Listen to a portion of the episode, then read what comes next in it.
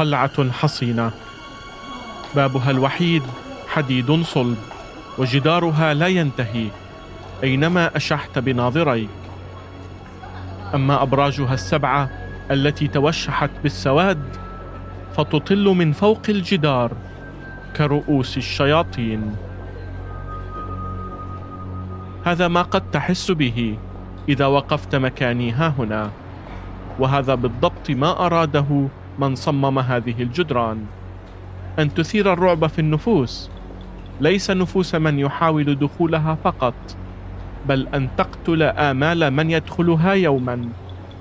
في الخروج. في بودكاست فصول نسافر إلى فيلادلفيا عاصمة ولاية بنسلفانيا الأمريكية إلى أحد أهم السجون المهجورة في العالم إن لم يكن أهمها كلها. أول سجن إصلاحي في التاريخ.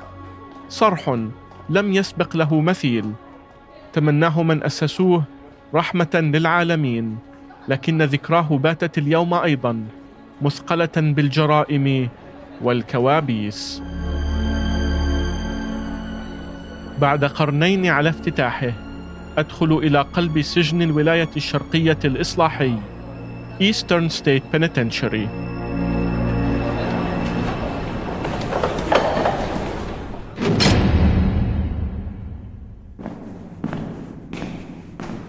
كيف غيرت قصة هذا المكان عالمنا؟ وماذا تقول لنا أنقاضه عن واقع السجون اليوم؟ أنا أحمد الضامن وهذا بودكاست فصول.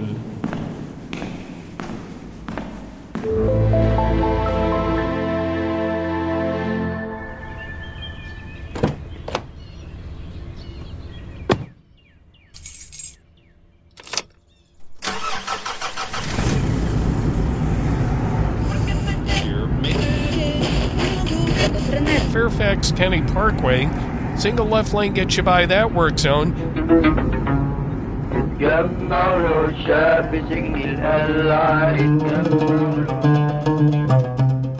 وأسر أقاسيه وليل نجومه أرى كل شيء غيرهن يزول تطول بي الساعات وهي قصيرة وفي كل دهر لا يسرك طول تناساني الأصحاب إلا عصيبة. ستلحق بالأخرى غدا وتحول.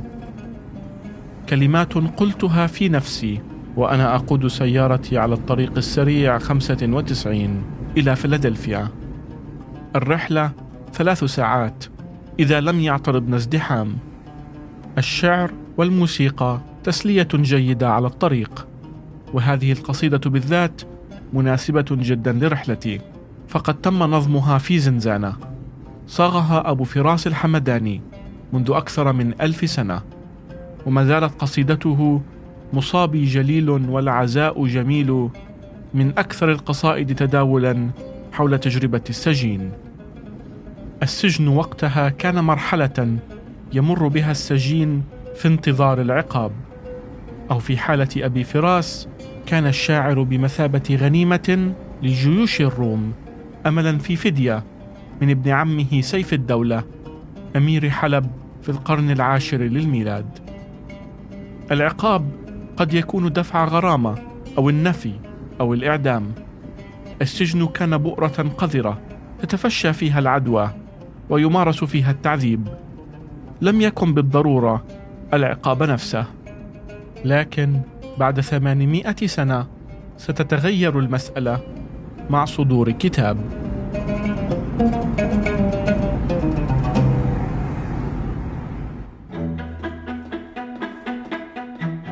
كان الكتاب لقائد شرطة بريطاني يدعى جون هاورد. قبع هاورد أسيرا في سجون فرنسا في منتصف القرن الثامن عشر قبل أن يبلغ الثلاثين.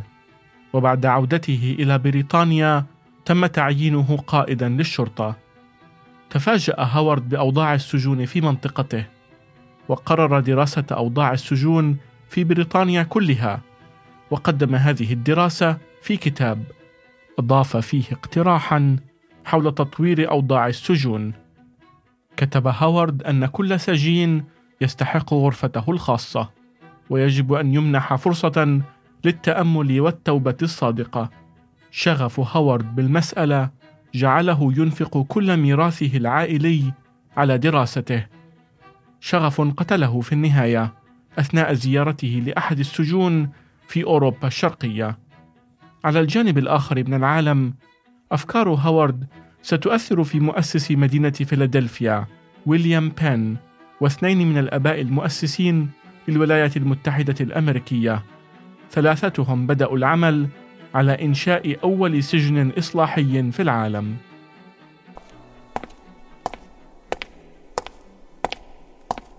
ها أنا دخلت إلى ردهة دائرية. المبنى هنا تم تصميمه على شكل مروحة أو طاحونة في المنتصف حيث أقف برج مراقبة تتفرع منه كأسنان الطواحين عنابر السجن. تصميم جديد وفريد. يتيح مراقبة العنابر كلها من نقطة واحدة. لكن ما يميزه فعلا؟ الجدران.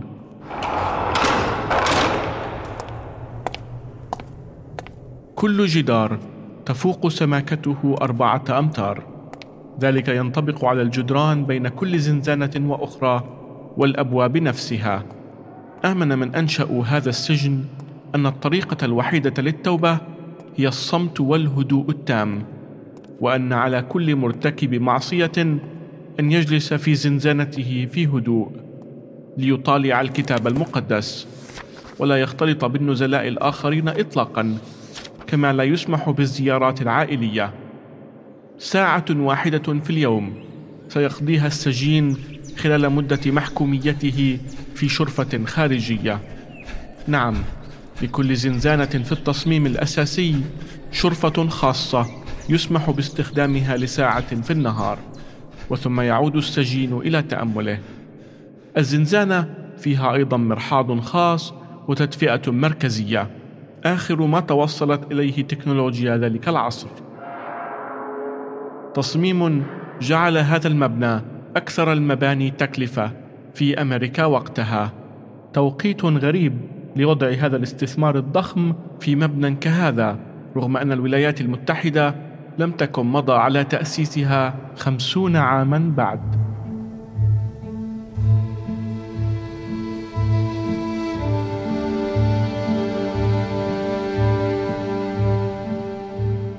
العام 1829 المبنى ما زال قيد الإنشاء.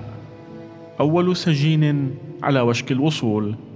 السجين رقم واحد. مزارع عمره ثمانية عشر عاما واسمه تشارلز ويليامز. التهمة سرقة ساعة يد ومتعلقات أخرى. صدر الحكم بالسجن لعامين. قاد الحراس تشارلز إلى زنزانته بعد أن غطوا رأسه كي لا يرى شيئا. سيقومون باتباع الخطوات نفسها مع كل سجين جديد. وصلتهم من إدارة السجن تعليمات مشددة للزوم الصمت.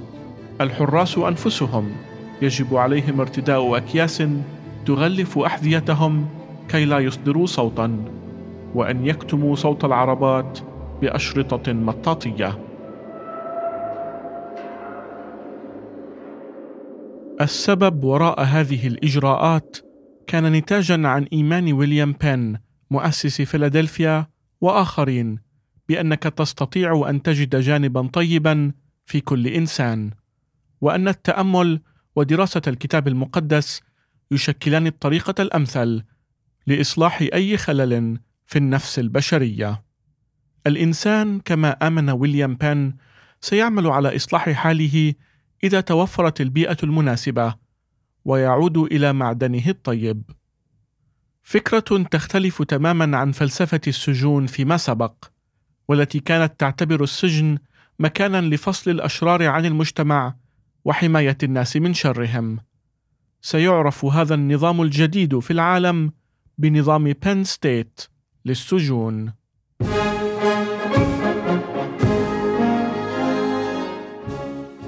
لم تمر أشهر قليلة قبل أن يصبح سجن بن ستيت حدثا عالميا.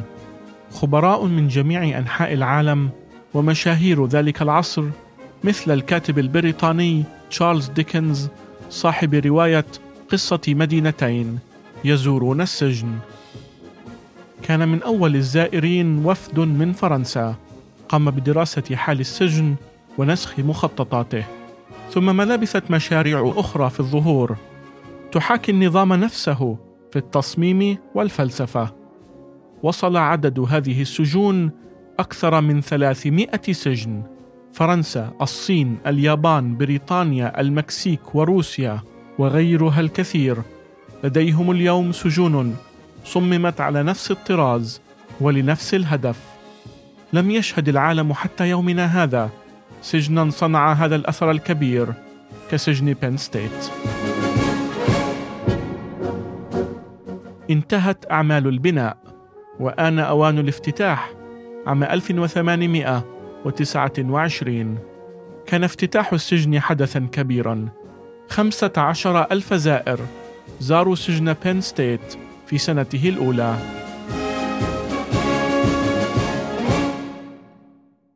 لكن هذا البريق لم يدم طويلا. عندما زار تشارلز ديكنز السجن كتب أن العزل التام أو ما نعرفه اليوم بالسجن الانفرادي ما هو إلا نوع قاس من التعذيب. النزلاء يعانون من اضطرابات نفسية التوتر والقلق في بعض الحالات والهلوسة في حالات أخرى. الانعزال لم يثبت فقط أنه غير قادر على إصلاح حال المساجين ونفسيتهم بل أنه دوامة قد تصل بهم. إلى الجنون. بعد أقل من عامين كان لابد من السماح للسجناء بكسر العزلة.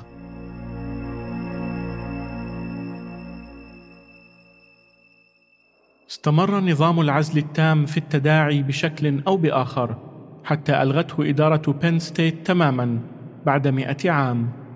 لكن هذا لم يؤثر على سمعة بين ستيت وأهدافه الإصلاحية واستمر نسخ هذا النموذج في دول العالم. بعد فك العزلة كان على السجن إعادة إنتاج نفسه لكنه اصطدم بالواقع. ليس مستغربا أنك عندما تفتح المجال لحركة السجناء ستبدأ محاولات الهرب.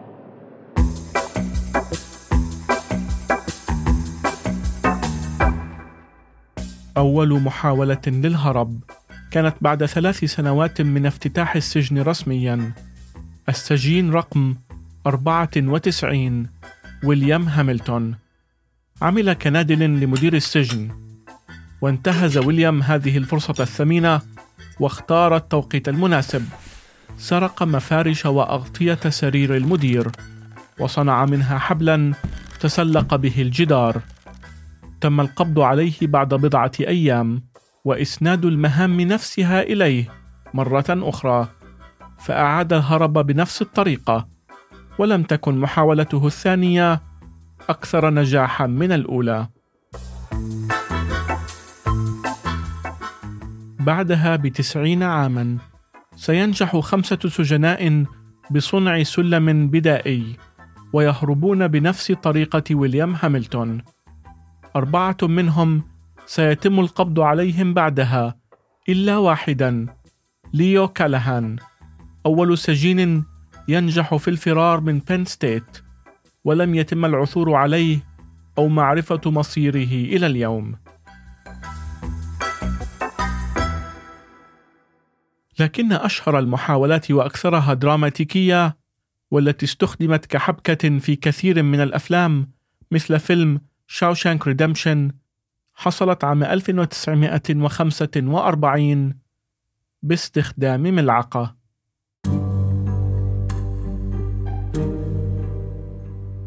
أنا الآن في الزنزانة 68 أنظر إلى باب النفق الذي وجده المنقبون. أقام في هذه الزنزانة اللص المغمور كلارنس كلادنست الذي كان موهوبا في أعمال البناء والتصليح. قبلها بعام ينجح كلارنس في إقناع إدارة السجن بنقله إلى الزنزانة رقم 68 والتي كانت تحتاج لإصلاحات بحجة ترميمها. ثم يبدأ في حفر نفق تحت الأرض باستخدام ملعقة طعام. بينما كان يقوم بذلك كان زميله في الزنزانة على السطح يهم بصنع لعبة خشبية بحجم كلارنس. ويضعها تحت الفراش حتى يطمئن الحراس إلى أن كلارنس نائم في الزنزانة. ثم يعود كلارنس ليغطي باب النفق بمواد البناء. السجينان يتخلصان من التراب الزائد بإلقائه على فترات في المرحاض. عملية الحفر ستستغرق 18 شهرا. يحفر خلالها كلارنس. مقاسيا نقص الأكسجين. ورائحة الصرف الصحي الخانقة. إلى أن جاء اليوم الموعود. ينزل السجناء. أولهم كلارنس. في حفرة عمقها أربعة أمتار. قبل أن يزحفوا في نفق تحت الأرض. يزيد طوله على ثلاثين مترا. إنهم على وشك تنفس هواء الحرية.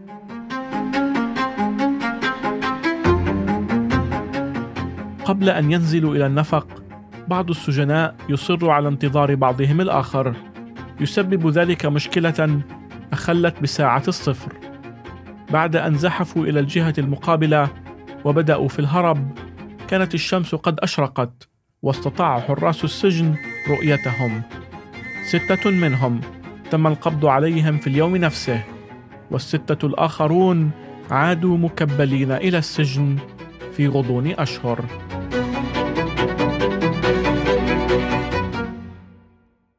حرية كلارنس مهندس هذه العملية المعقدة لم تدم إلا ساعتين. ثمانية عشر شهرا من العمل الشاق تحت الأرض لم تشفع له. كان من المفترض أن يخرج واقفا لا زاحفا من باب السجن بطريقة قانونية بعد أقل من عام.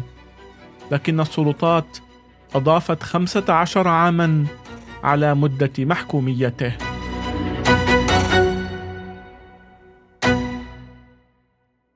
وأنا أنظر الآن إلى هذه الحفرة المتقنة في الجدار لا أستطيع أن أتخيل كيف تم حفر هذا النفق بملعقة طعام.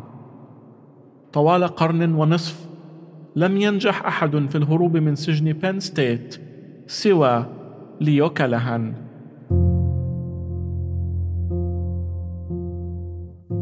الاصطدام بالواقع بين بين ستيت وأهدافه الإصلاحية تمثلت أيضا في الفساد. بعد خمس سنوات من افتتاح السجن انتشرت تقارير حول الضرب والتعذيب. السجين الذي لا يعمل أو يخالف قواعد الصمت كان يتم ربطه في أوضاع قاسية بالحبال وتعريضه للضرب والإهانة. أحد السجناء مات خنقا بسبب هذه الحبال. الفساد استمر أيضا رغم تحسن أوضاع السجناء نسبيا مع مرور الزمن. العام 1929 نزيل جديد يدخل المبنى. لكنه ليس نزيلا عاديا. إنه زعيم مافيا شيكاغو الذي سيذكره التاريخ كواحد من أهم المجرمين في أمريكا. آل كابون المعروف أيضا بلقبه سكارفيس حكم عليه بالسجن لعام في بين ستيت آل كابون فاحش الثراء وهو معتاد على استغلال نفوذه وماله. عندما وصل بين ستيت لم يجد زنزانة في انتظاره. وإنما غرفة في فندق.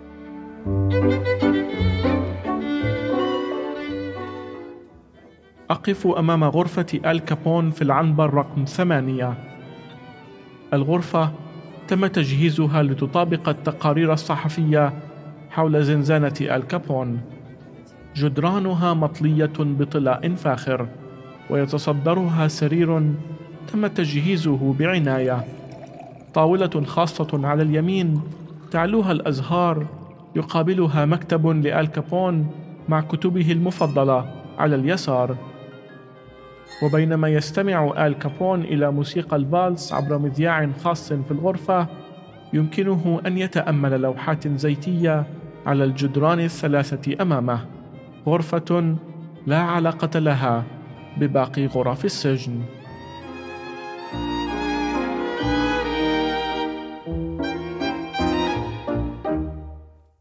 بعد أكثر من قرن على افتتاح بين ستيت وبعد أن تبين أن نهجه الإصلاحي لم يؤت ثماره كان لابد من التغيير. بدأ التركيز على صحة السجناء يأخذ حيزا مهما في السجن وأقيم جناح متخصص يحوي آخر ما توصلت إليه تكنولوجيا ذلك العصر من أجهزة للأشعة وغرفة عمليات. عملية جراحة قلب مفتوح تمت بنجاح في أروقة هذا السجن. الصحة النفسية أيضا ظهرت بوضوح في نشاطات السجناء الرياضية والفنية. لم يكن الوضع مثاليا بالطبع. السجن يبقى سجنا واستمرت أخبار عن أعمال العنف بالوصول. مثل محاولة بعض السجناء الهرب بالقوة عام 61 في القرن الماضي. فكان رد حراس السجن عنيفا وتلطخت الجدران بالدماء. لكن لحسن الحظ ورغم وقوع إصابات جسيمة لم يمت أحد. هذا الإصرار على عدم التخلي عن الأهداف الإصلاحية للسجن جعل سمعة بين ستيت جيدة وكان السجناء يفضلون أن يقضوا محكوميتهم فيه على عكس السجون سيئة السمعة مثل سجن سينغ سينغ في نيويورك و ADX في كولورادو. هذه السمعة وهذا الإصرار على تجديد أساليب التعامل مع السجناء لم يكن كافيا. تم إغلاق السجن نهائيا عام 1971 بعد أن استمر في العمل لمائة وخمسين عاما.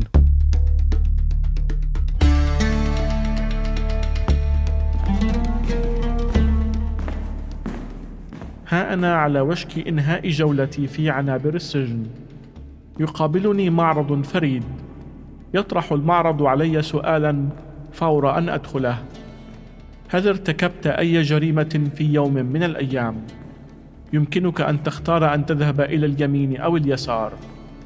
إذا أجبت بنعم واخترت أن تذهب يسارا ستجد أوراقا وأقلاما وشهادات من زوار للسجن بعد إغلاقه. يذكرون في هذه الشهادات جرائم ارتكبوها ولم يكتشفها أحد أو يتم محاسبتهم عليها. الرسالة هنا أن أحدا ليس معصوما من الخطأ. الكثير من الجرائم لا يتم محاسبتها اليوم وأن عوامل كثيرة قد تؤدي بالزائر العادي إلى حكم بالسجن. يثير هذا في داخلي الآن الكثير من الأسئلة. أخرج بها إلى باحة السجن لأجد معرضا بديعا آخر. نصب من حديد على شكل سلم الدرج. يوضح الازدياد الهائل في أعداد السجون والمساجين في أمريكا اليوم. لتتربع الولايات المتحدة على أكبر عدد للسجناء في العالم. وبحسب الإحصاءات فإن ذلك لا علاقة له بخفض أو زيادة في أعداد الجرائم. وثم يعرض النصب الفرق الكبير بين المساجين على أساس العرق. الرسالة هنا واضحة. بين ستيت فشل في تحقيق أهدافه. ونظام السجون الذي نعمل به اليوم لا يحقق أهدافه أيضا. أعود إلى سيارتي وأسير بها على طريق العودة 95 مشاعري تميل إلى الخوف. من هول هذا الصرح الضخم وقصته والأسئلة أكثر من الإجابات.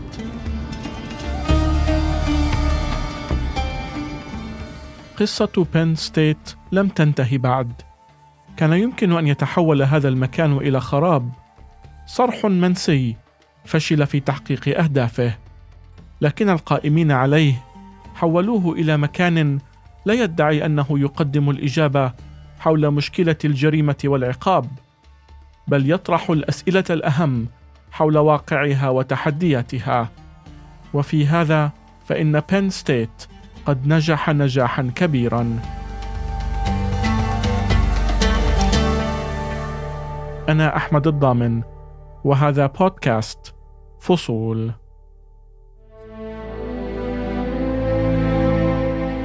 معا نروي فصول الحكاية. استمعوا لنا على تطبيقات أبل وجوجل وسبوتيفاي وساوند كلاود.